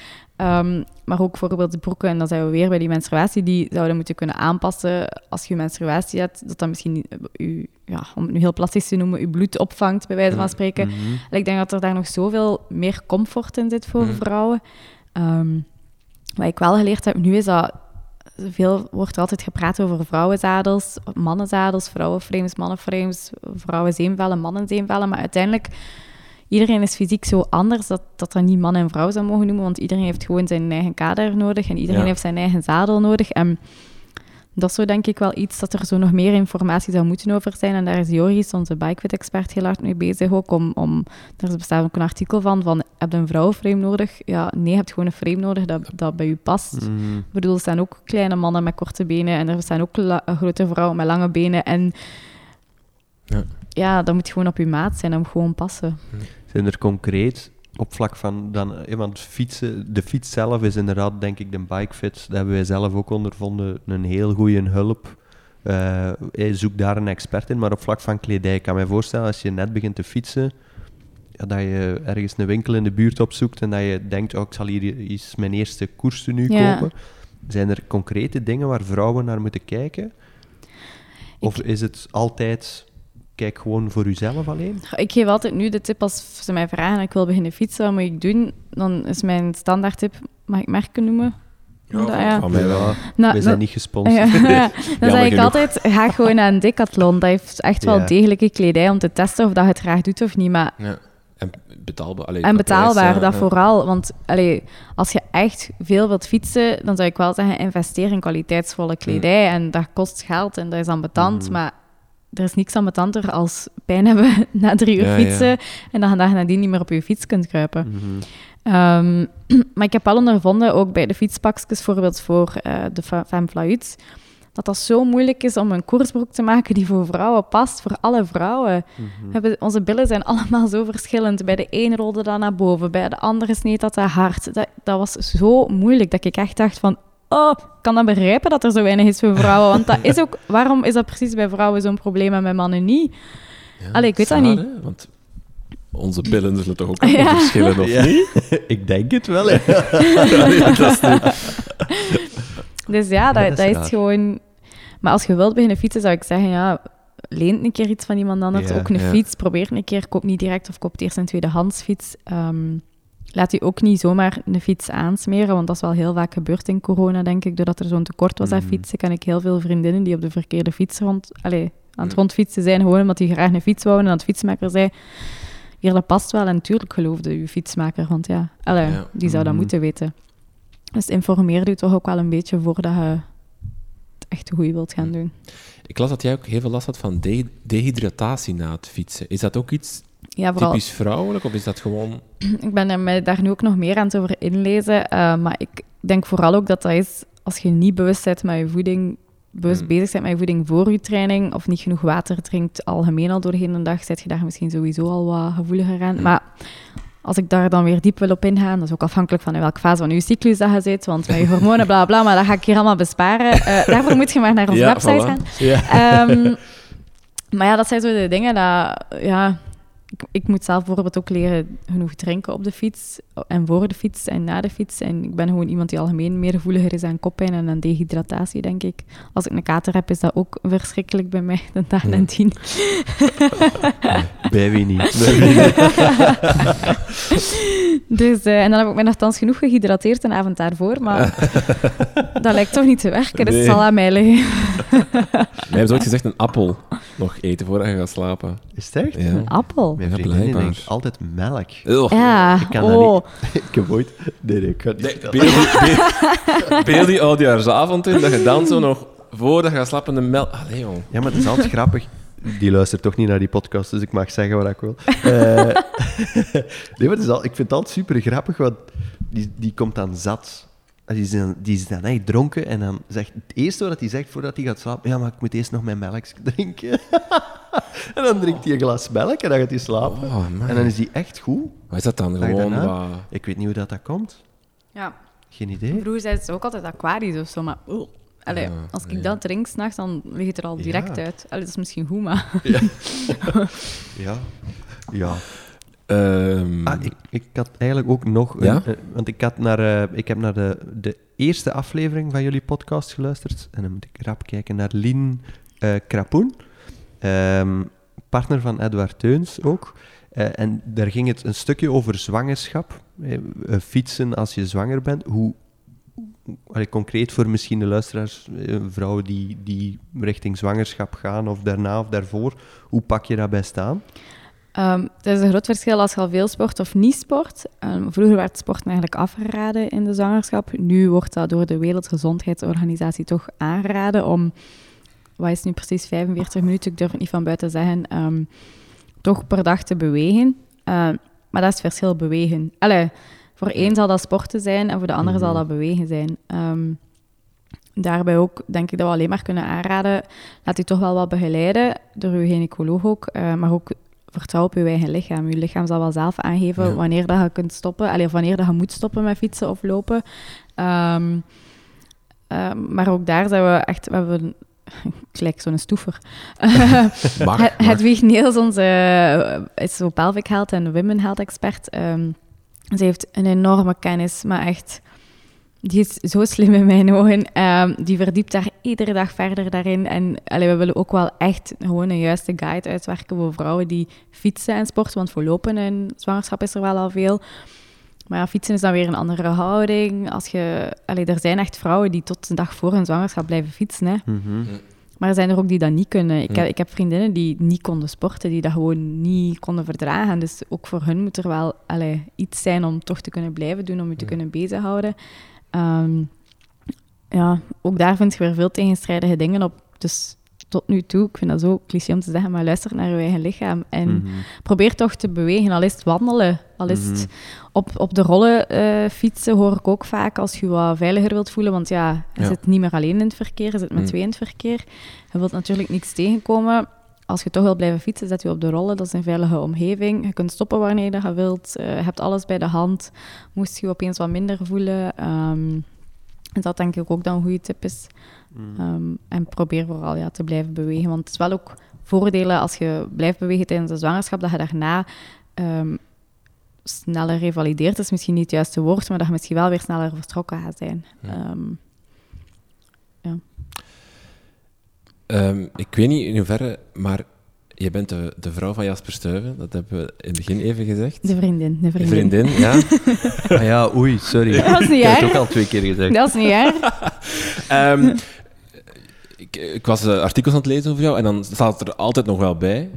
Eh, vind je dat ambetant dat dat de, jouw subtitel is? Of wordt gegeven? Vroeger vond ik dat misschien ambetanter als nu, omdat ik dan zo... ehm, ik heb heel lang op werkvlak gezocht wat ik wou doen. En ik wist wel dat ik zo iets wou doen, maar ja, ik vond het zomaar niet. Terwijl ik nu heb ik zo het gevoel dat ik zo meer ben dan de vriendin van. Mm. Nu, eh, wat ik daarvoor deed, ook als ook leerkracht. eh, ik heb dat super graag gedaan, maar dan wordt het zo inderdaad wel zo snel in dat hoekje geduwd van Mhm. je bent leerkracht, dus je bent vriendin van. Terwijl nu, omdat ik meer kennis opdoe rond het wielrennen en echt iets probeer te betekenen voor vrouwen op de fiets, word ik al meer gezien als Elke van de Women Peloton. En, Ja. en daarnaast is ze ook vriend of, of partner van, van Jasper. Ehm, Ja, we hebben het daar vaak over met de vriendinnen ook zo, van andere wielrenners. Van ja, je, bent gewoon, je wordt gewoon bestempeld als... En soms is dat heel frustrerend, omdat je heel veel laat ook voor je, voor je partner. Ehm, maar dat hebben we nu ook geleerd, en dat is ook een leerproces voor ons geweest, dat in het begin had ik heel hard het gevoel dat ik er altijd moest staan, dat ik alles moest laten, dat ik altijd voor het eten moest zorgen. Ehm, terwijl dat wij nu hebben ook geleerd, zeker na corona, dat dat niet altijd moet. Dat dat, allez, Jasper kan ook voor zijn eigen zorgen. En het is niet omdat hij de vaat was ledig dat hij geen goede koers gaat rijden, bij wijze van spreken. En dat zorgt voor minder druk bij alle twee. Um, waardoor dat ik me nu ook waardevoller voel als vriendin van. Maar vroeger had ik zo het gevoel dat ik dat moest bewijzen, dat ik, zo, dat, ik dat verdiende om de partner te zijn van een wielrenner. De echte rennersvrouw nog, ja. dat het, ja, was die alles liet vallen en doet ja. voor de... Die... zou dat vroeger anders geweest zijn? Alleen vroeger, ik bedoel... Ja, ik weet dat niet. Zo teruggaan je hebt wel toch een evolutie bij, bij vrouwen van topsporters die... die ik denk aan Kat Kerkos bijvoorbeeld, die net ook in, ja. Taboe zat, die daarover mhm. vertelde van... In het begin was dat inderdaad, was ik heel hard de, de, de vrouw van, van Dries Mertens. En, en dan heeft ze eigenlijk een beetje haar positie uh, ja, gebruikt om... Doordat ze de vrouw was, kreeg ze kansen. En daar is ze daar meer van gemaakt. Hè. Nu is ze eigenlijk televisiepresentatrice. En is dat al bijna los van, van Dries Mertens gekomen ik vind dat je daar wel wat een evolutie in ziet. Allee, en bij sommigen ook niet, maar het is zo dat je daar je goed in voelt, maar dat je wel... Ik ben me daar ook bewust van dat ik veel kansen heb door Jasper. Hè. Hmm. Ehm, ik ben me er ook bewust van dat door op Vive le Velo te mogen gaan spreken over de Women Peloton, dat wij een enorme boost hebben gekregen. Maar ik ben er mij wel ook vol van overtuigd dat ik wat ik doe met de Women Peloton, dat dat mijn missie is. En of dat dan nu hmm. los van Jasper is of niet, dat ik het ook zou doen. Ehm, maar ja, er zijn gewoon meer kansen als je een beetje bekend bent. Dat, en dat is niet altijd even eerlijk, want er zijn andere mensen die dat ook even hard proberen en die die aandacht niet krijgen. Ehm, dus dat is zeker iets wat je ergens mag misbruiken, is misschien het foute woord, maar vroeger zou ik altijd zo geweest zijn van nee, nee, nee, nee, nee, nee, nee want ik wil daar geen mm. misbruik van maken. Terwijl nu denk ik, ja, ik wil echt wel iets vertellen en ik wil iets betekenen, dus waarom zou ik dat niet gebruiken? Maakt, het, maakt het dan moeilijk voor voor de vrouw van of de man van een, topsporter om, ehm, om je eigen identiteit te blijven behouden en om daar naar op zoek te gaan? Maar wat ik soms wel merk is dat mensen zo denken dat het gemakkelijk is. Ja. Hm. Als ik zo bij de Women Peloton zo in het begin hoorde ik heel vaak zo via via van ja, uh, mensen willen het niet volgen omdat ja, het is wel makkelijk, hè. je bent een vriendin van, dus maar, en dan denk ik, ja, maar Jasper, die is ganse dagen gaan koersen en gaan trainen. Ik ben daar voltijds mee bezig, dag en mhm. nacht. Ik zeg daar ook mijn tijd en mijn uren. Ik ben gestopt met mijn job daarvoor. We hebben daar een grote investeringen gedaan. Het is echt gewoon ondernemen en een bedrijf oprichten. Dat is niet dat dat uit niks gaat. Ik heb ik ook dagen dat ik zit te blijten zelfs van de stress van wat heb ik nu gedaan, had ik toch niet beter bij mijn job gebleven. Is dat geen stress voor ons alle twee? Um, ik bedoel, iedereen moet knokken voor hetgeen dat zij wil doen. Mhm. en, en financieel hebben, kunnen we het misschien beter dragen of kunnen we misschien al een keer een risico nemen. Maar, maar je moet het wel nog altijd doen en je moet het wel nog altijd durven doen. Ehm, en dat is toch wel iets waar ik mij soms wel aan erger, dat mensen denken van, oh ja, oh, je bent de vriendin van, dus dat zal wel makkelijker gaan. Maar ja, het moet wel nog altijd gedaan worden. Mhm. En het wordt goed gedaan, elke zal maar in deze compliment. Voilà. voilà. Hoe, is het uh, leven in Monaco? Um, ik bedoel, van, van Maldegem naar Monaco. Het is, het is... er was nog een tussenstap Leuven. Ja, maar het is, het is wel een stap, denk ik? Ja, of, ja. Of, dat is niet evident geweest. Ook? Dat is niet evident geweest. Dus, um, maar dat is ook een stap die, die, die je maakt omdat Jasper daar beter kan trainen en daar beter renner kan zijn. Voor ons was eigenlijk de grootste keuze voor die stap te zetten rust. Ehm, omdat wij het gevoel hadden dat wij in België heel hard geleefd werden. Ehm, en dat wij uh, constant van links naar rechts aan het springen waren. Het weer. Uh, Jasper was ja, ja, 300 dagen per jaar weg van huis om in het goed weer te zitten. Mijn job was hier. Hij leeft als koppel ook gewoon heel anders. De momenten dat het dan al in België was, wouden wij samen zijn. We moeten ook zijn familie zien. Moeten, mm. allee, dus we hadden het gevoel dat we heel, heel hard geleefd werden. Um, en toen hadden we gezegd van oké, ja, zullen we het dan toch maar proberen. Eerste keer geweest naar Monaco. We kennen daar wat Belgen. Um, en dan zie je toch dat dat heel anders is. Want ja, ik had daar ook zo de glamour en de glitter life van. En ik wou dat ook absoluut niet, want ik zag mijn eigen als plattelands boerenmeisje die... Uh, allez, die opeens... Ik vond Leuven al een grote stap om naar de stad te komen wonen. En dan moest ik daar opeens in, uh, in Monaco live zitten. En dat was ook net de periode dat Monaco-vrouwen op tv kwam. Dus dat was geen reclame. Dat weet ik niet meer, dat programma. Ik heb nee, nooit gezien. Allee, heel sympathieke vrouwen. Ongetwijfeld dat daarin voorkwamen, maar... Maar je zag daar niet het leven dat jij wou Nee, hebben. nee dus ja. dat was zo van... hm, Maar hoe moet ik Mon- Monaco inschatten? Is dat gewoon een, een grote stad? Dat is eigenlijk een kleine stad, want Ja. dat is maar twee vierkante kilometer. Maar ehm, dat is heel veel gebouw. Dus Monaco zelf, daar vind ik eigenlijk heel weinig aan. Buiten dat leven daar wel gemakkelijk is, want wij pakken daar bijna nooit de auto, want we hebben winkels op iedere hoek. Ehm, je hebt, je hebt goede restaurants, je hebt de zee voor je, dus dat is allemaal fijn. Maar het fijne vind ik daar vooral is het, één, het mooie weer, het aantal uren zon dat je hebt, dat is zo'n groot verschil. Ehm, maar ook vooral, ja, je pakt je fiets en dat is even 10 minuten vloeken in het verkeer van Monaco, want eh, ja, ze kijken daar niet echt naar de fietsers. en dan, maar dan zit je opeens in de bergen. Je kunt naar Italië, je kunt naar de Côte d'Azur, je kunt... Allee, dat is gewoon... Dat, heb ik, dat vind ik het, het fijnste. Ehm, maar dat is wel een heel grote aanpassing geweest. Ik heb toen ook gestopt met werken als ik naar Monaco verhuisde. Het was dan ook corona, de lockdown. Eh, dus dat was allemaal niet zo evident, want we zaten daar echt vast op een appartement. Eh, In Monaco leeft je ook gewoon veel kleiner, want je leeft ook veel meer buiten. Maar dan opeens zit je gewoon vast in een appartement. We mochten niet buiten, enkel voor de hond buiten te laten. Jasper mocht niet fietsen, ik had geen job. Dat was zo... Allee, Ja. De perfect. Ja, dus eigenlijk ja. Monaco Ja. in full force heb je nog niet echt... Ja, nu, ja, we zijn verhuisd toen, ja, een paar maanden voor corona. Mm. En de eerste maanden wordt je, ja, moet je gewoon heel hard ontdekken. En dan Ja. is corona. En dan, Hmm. Ehm, Ja, de wereld is nog niet echt helemaal allee, nee, remmeloos open geweest. toch? nee, Dus, ja. nee. En ik ben dan ook weer een tijdje terug naar België geweest. Dus pff, ja, het, is zo, het was zo wel wat zoeken in het begin. Maar ik zeg het ook door de Women Peloton en door de kans dat ik heb om van overal te werken eigenlijk. Ik, ik vlieg gewoon veel over en weer naar België voor, voor podcasts op te nemen, voor meetings te doen. Ehm, maar de rest kan ik allemaal voor werken van thuis uit, van Monaco dus. Ehm, dat, allee, dat heeft mij de kans om daar mijn eigen leven te hebben. Eh, en dat vind ik wel fijn nu, dat ik, dat ik daar ook gewoon kan zijn wie ik ben. Eh, dat was misschien in het begin wat minder. Mhm. Twee vragen over Jasper, omdat we er niet toch zijn. Was je erbij eh, op Milaan Sanremo? Nee, wel, ik was in Monaco toen, eh, omdat ik dacht dat ik daar niet zou kunnen raken met de coronamaatregelen toen. Eh, dus op letterlijk 40 kilometer van Monaco was hij aan het winnen. Dus ik Heb je, was je live aan het kijken? Ja, ja, ja. ja. En hoe hard heb je geroepen? Geroepen. Het ding was, ehm, Jasper had al vrienden leren kennen in Monaco en ik had die nog niet zo goed leren kennen en die wouden met mij Milaan Sanremo kijken. Maar die kennen niet zoveel van de koers, dus dat was zo meer aperitiefhapjes en zo Ja. wel wat babbelen en dan kijken naar de koers. En de laatste 10 kilometer had ik zoiets van, tja, Die zit er nog die bij. zit daar op positie top 10. Zo van, Echt meedoen vandaag. zo van, Volume het toch wel luider zetten. Eh, ja, ik zit altijd op de grond als ik naar de koers kijk. Ja. Ehm, en ja, ik, ik heb daar filmpjes van ook. Dat is, ja, dat is gewoon hilarisch. Hoe dat ik dan zit te blijten en, en dan... En dan Hebben wij samen gekeken? Of was dat een andere koers? Dat weet ik al niet meer. Nee. Ik weet wel dat ik heel hard geroepen heb. Ik was... eh, ik, ja, nee, ik weet eigenlijk Heeft dat iets veranderd voor, voor, voor jullie? Of voor... Ik bedoel, monument winnen is toch... Ik denk dat dat voor hem vooral veranderd heeft dat hij weet dat hij dat gewoon nog wil. Ja. Ehm, En dat dat, ik denk op dat moment was dat gewoon ook een heel mooie bevestiging dat, en ik denk dat veel renners hoop heeft gegeven. Het was ofwel Van der Poel, ofwel was het Alaphilippe, Ja. ofwel eh, Wout, die Ja. kon winnen. Niemand zag er ooit drie, opeens ja. nog anderen winnen. Mhm.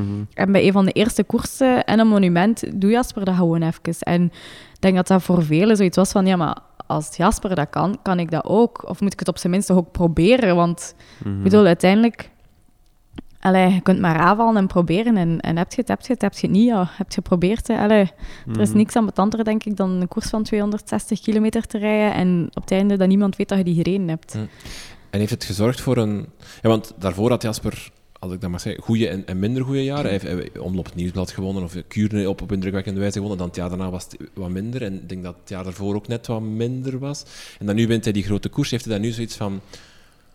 eh, de druk is weg, want ik heb mijn grote vis binnen en alles wat nu komt is, is, is fantastisch. Of is het omgekeerd, namelijk, ik moet bevestigen. ga bevestigen, denk ik, dat zij niet meer het gevoel hebben, want dat was zo ieder jaar altijd de druk dat ik kreeg. Oh, Jasper Stuyven moet bevestigen. Ja. Maar als je kijkt hoeveel renners dat er winnen op Ja. een jaar, dat zijn er Mm. niet veel. Nee, nee, nee. nee. Ehm, ik denk dat Oliver Naasten dat nu ook goed gevoeld heeft Ja. na zo'n jaar als dit jaar.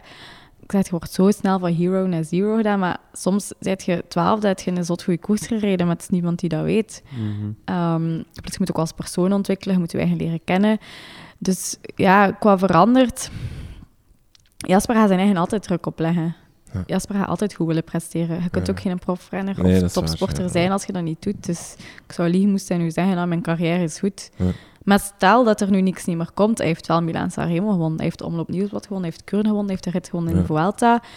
Heeft de Ronde van Duitsland gewonnen. Ik bedoel, die jongen heeft wel echt wel wat gefrustreerd in zijn ja, leven. ja, ja. Het, Ehm, moeilijkste, mon- het moeilijkste monument van allemaal gewonnen. Ja. Al de rest is nu gemakkelijker. Dus we schrijven hem al op. De ronde van Lombardije. Eh, ja, op welke koers moeten we opschrijven voor de prono? Als Het je, WK. als je ons inside tips mag geven. Eh. voor onze Sporza wielermanager. Waar moeten we hem... Allee, Ehm, Het WK. in, ik denk alle klassiekers. Ja, Het WK, dat is, is nog niet zo duidelijk, want er was zo dat parcours was Ja. zo wat, is nu wel, is nu niet. Ehm, Er zitten lange klimmen en de vraag is hoeveel keer dat ze die gaan doen, denk ik. Dat is wat de moeilijkheid. Ja. Het kan ook voor Caleb Ewan worden, maar het kan ook nog voor... Was jij eigenlijk tevreden met zijn prestatie op het WK? Ja. Voorbij WK? ja, ik ja. Maar ik heb, allee, dat was... eh, Kun je niet tevreden zijn. Ja. Dat was een dat was- vraag. Hoe was Vond je het dat? jammer dat, je, dat hij het podium niet haalde? Tuurlijk, maar ja, ik heb, eh, de, ik bedoel, als je nu de vriendin van Jasper Stuyven op Google intypt, zie je alleen maar blijdfoto's van mij op dat WK. Dat heb je niet gezien. Allee, dat Ik heb iets anders gevonden, waarin jij de pronostiek van het WK vertelt. Wat dat je dacht dat... Wacht, Oh, mag ik het laten ja, horen? ja hoor. Want ik heb, dat was toen heel druk en veel interviews, dus ik weet al niet meer wat ik overal gezegd heb. Maar ik, ja, ik zou het toch mooi vinden mocht Lotte Kopecky, eh, die toch ja, een heel sterk seizoen bezig is, Oh ja. mocht een Belgische wereldkampioen hebben, ook voor haar om in België dan eigenlijk ehm wereldkampioen te worden. Ja, en bij de mannen ja, Kom het. zal ik maar gaan voor op plaats 1 Jasper Stuyven. Ehm, niet alleen omdat hij mijn maar ik denk ook vooral omdat hij wel aan een heel sterk seizoen bezig is. En wat een mooie bekroning zou zijn hier in eigen stad. Ehm, en 2 en 3, ja, dan, dan maakt het mij dan eigenlijk niet meer zo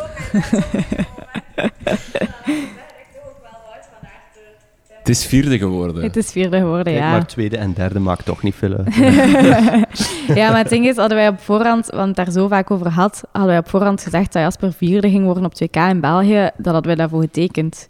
Want Ja. normaliter gezien, Ging was iedereen Wout- kapot rijden voor ja, Wout, Dat was eigenlijk het plan. Hè? Ja. en Ah, ja. Wout en Jasper komen super overeen. En dus Jasper was hem daar ook volledig op gefocust om dat te doen. Dus je verwacht ook gewoon niet dat dat de situatie zal zijn op 2K. Natuurlijk, als je dan op voorhand weet dat dat de situatie zou zijn, ja, dan, of course, wilde die op het podium. Ik bedoel, hoeveel mensen rijden er een WK in hun eigen stad?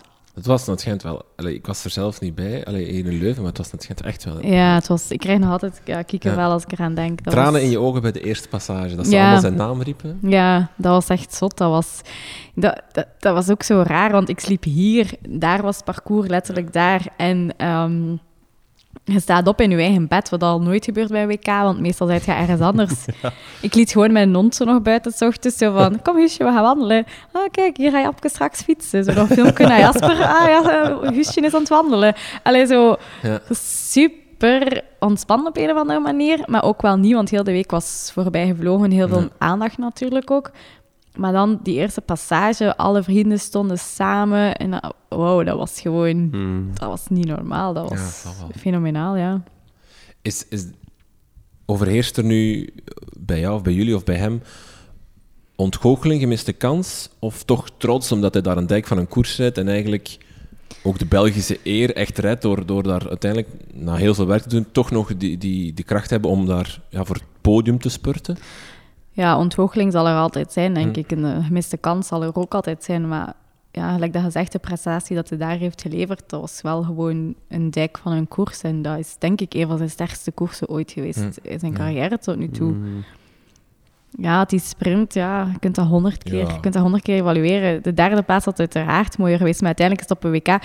Wat we ook vaak zeiden, is als je WK in een buitenland hebt, of in een ander land, dan telt de eerste plaats. Mm. Er is niemand die boeit of dat je tweede of derde wordt. Er is niemand die boeit of dat je vierde wordt. Maar Maar gewoon nu- het feit omdat dat in je eigen stad is. Ja, En Jasper ja. Stuyven nog eens op dat podium. Altijd Ja, daar op dus- La Deuze kunnen staan, op dat podium. Maar ik denk dat dat...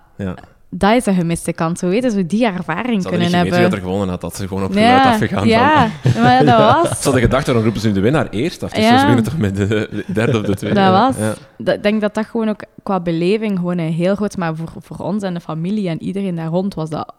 Wow, wat heeft Jasper vandaag gedaan? Die is gewoon Mhm. vierde op een WK in Leuven. Ja. De toekomst nog even. Eh, De Mhm. Women Peloton, ehm, er komt van alles aan. Eh, er zijn heel veel dingen in ontwikkeling, hebben we Ja. gehoord de voorbije, het voorbije uur, over, over ehm, ehm, informatie die verzameld wordt, brochures die geschreven worden. Er zijn heel veel webinars die er al geweest zijn en nog komen. Ja. Eh, alle info vinden ze op... www.thewomenpeloton.be hoeveel keer heb je dat al moeten? Ja, en het ding is, ik kan dat niet zo goed zeggen, want als ik dat in mijn eigen podcast zeg, dan is het zo www.womenpeloton.be Ehm Ja, en alle social media kanalen, ehm, daar zijn we ook op te vinden. Ja. Ehm, eigen kledij, is dat iets waar je... Waar, daar zei je net al van, ik zou heel graag de, de ultieme kledij voor vrouwen. Ja. Is dat iets wat we mogen verwachten? Er zijn al zoveel mooie koerspakjes dat ik, ik heb geen ambitie om een eigen fietskledinglijn. maar ik zou heel graag kunnen samenwerken met mensen die al de kennis hebben ook en die mee willen ontwikkelen aan het ultieme pakje voor vrouwen. Je hebt ook ergens gezegd van het label, de Women Peloton, dat dat bijvoorbeeld op bepaalde merken eh, wordt gekleefd in fietsenwinkels, dat Ja. vrouwen gewoon kunnen zien, oh, dat heeft de Women Peloton raadt dat aan, dat is iets goeds, Ja. dat weet ik dat dat in orde Ja, is zijn voor mij. dat is, is een, dat eh, iets... Een droomprojectje nog. Eh, maar ik heb er zoveel en ik heb al moeten leren time managen en priorite- prioriteiten stellen. Ehm, ja, dat zou, de- ja, ik zou het de max vinden mochten wij kunnen samenwerken met fietswinkels of, of merken waarvan dat we weten van oké, die... Het ding is dat dat heel moeilijk is, dat er is ook een hype rond het vrouwenwielrennen. Ik zou ook niet kunnen doen wat ik... Allee, ik zou niet kunnen pres, allee, of, of, of leven van hetgeen dat ik nu doe. Ehm, als ik dat drie jaar geleden had gelanceerd, was Mhm. geen kat geïnteresseerd. Is er daar ook niet een stijgend gat in de markt, zal ik maar zeggen? Allee, of- of- Ja, nee, maar het ding is dat, tuurlijk, hè, marketinggewijs, eh wij bereiken 2000 vrouwen, dus sowieso, ehm, dat is interessant. Maar het moeilijke is dat wij partners zoeken die mee willen investeren in de Women Peloton, één, maar ook in het vrouwenwielrennen en die willen iets betekenen. En niet omdat we zoveel vrouwen bereiken. Ehm, Maar zo fietsconstructeurs, Specialized Track, al die, die, die, eh, voelen die ook niet dat er meer vraag is naar fietsen voor vrouwen? Tuurlijk, maar ja, ik denk dat over het algemeen Ja. in, in alle onderdelen van het wielrennen gevoelbaar Ja. is dat er natuurlijk meer is voor vrouwen. Maar het is niet omdat er meer is, je kunt altijd meer aanbieden voor vrouwen, maar je moet het ook met de juiste insteek willen doen, want anders Ja. blijven we maar op hetzelfde allee, plateau fietsen, Ja. bij wijze van spreken. Mhm. dat, dan blijven we vooruit gaan, maar blijft de kennis niet vooruit gaan.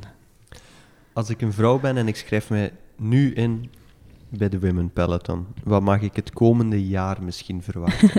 Maar, maar nu is te zien wanneer dat de podcast uitkomt. Volgende week woensdag. Ah ja, Eh, als je nu op dit moment inschrijft, dus als de podcast uitkomt, dan kun je nog eventjes onze content gratis zien. Dus dat is wel een aanrader, omdat je dan kunt kennismaken met wat voor artikels dat we schrijven, welke kennis dat we delen. Mhm. Maar vanaf februari, omdat we onze community nog waardevoller willen maken, gaan we groeien naar eh, abonnementsformules. Ehm, dus dan kun je een, een officiële member worden van de Women Peloton.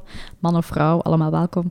Ehm, en dan hebben we twee abonnementsformules. De surplusformule, eh als je nog niet een beetje twijfelt, je weet nog niet zeker of dat je hem full-in wilt gaan met ons, dan kun je surplus membership pakken en dan ziet je eigenlijk onze artikels. Dus komende jaar kun je dan alle artikels die onze experten schrijven zien. Plus word je op de hoogte gehouden van nieuwtjes, weetjes, bla bla bla. Ablok, als je direct eh, al in wilt gaan, dan kun je eigenlijk alles wat wij online te bieden hebben. Dus onze webinars, onze guides, onze masterclasses. We hebben ook core- en pilatesreeks eh voor vrouwen die fietsen. Er komt ook een reeks aan voor zwangere vrouwen. Ehm, dus alles wat we eigenlijk, alle voordelen wat we te bieden hebben, zal je dan kunnen hebben als Ablok-member. Ehm, dus dat is een beetje, denk ik, de belangrijkste. We willen ook wel graag evenementen en zo, maar Ja. ja, ik zeg het stap per stap. We moeten Ja. Eerst, wat zeggen ze, eerst eh, leren wandelen voordat je loopt, zeker? Ja, Of, eh, Rinke, ga jij surplus of ablok? Oeh, dat is een goede vraag. Ik, ja, surplassen kan ik niet, dus het zal aan zo'n licht surplassen, ik val, eh, dat is echt... eh, dat is moeilijk, hè? Ja, Voor de rode lichten wil ik altijd zo stoer doen, maar... ja. Nee, ik heb er echt geen evenwicht voor. Ik kan het ook niet eigenlijk.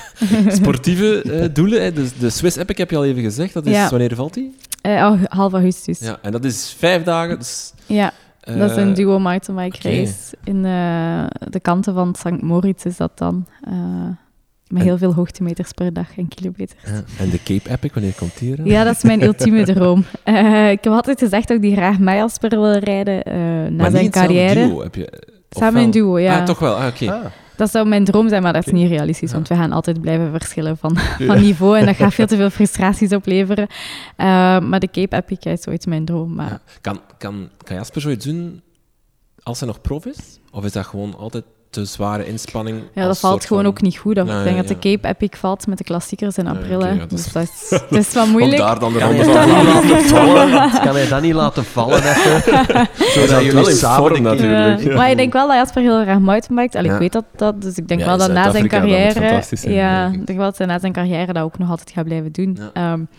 Maar ja, ik ben mijn utopie al een beetje voorbij dat het onrealistisch is dat wij een duo gaan rijden. Want dat is misschien ook niet goed voor onze relatie of zo. Maar, ehm, maar ja, ja zo'n dingen rijden heel graag. Ja. Maar je moet daar getraind Ja, voor zijn. ja, ja. Wie weet komt het ooit. Ja. Oké. Toekomst. Heel veel dank om, eh, ons, eh, om te gast te zijn in onze podcast voor al je uitleg. Eh, dus in de show notes vind je alle info over de Women Peloton. Gaan we het allemaal nog eens goed oplijsten. Dries, jij ook bedankt om eh, mij naar Leuven te voeren. En om, Over het terugbrengen hebben we wel nog iets daar gaan we nu over onderhandelen. En aan de luisteraars, heel veel dank om te luisteren en tot de volgende.